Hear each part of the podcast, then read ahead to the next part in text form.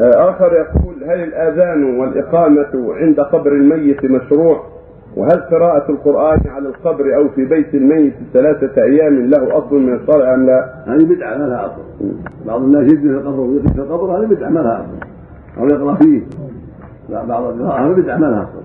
كان تجمع الناس؟ في بيت الميت يقرؤون فيه. أيام وليالي هذه بدعة ما لها أصل. ثم يقول له إيش؟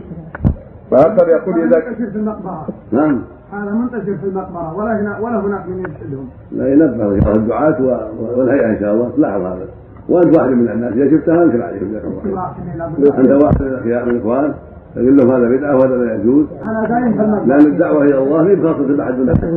من علم شيئا يبين هو والهيئة كذلك. الهيئة وواجب التساعد والتعاون على التقوى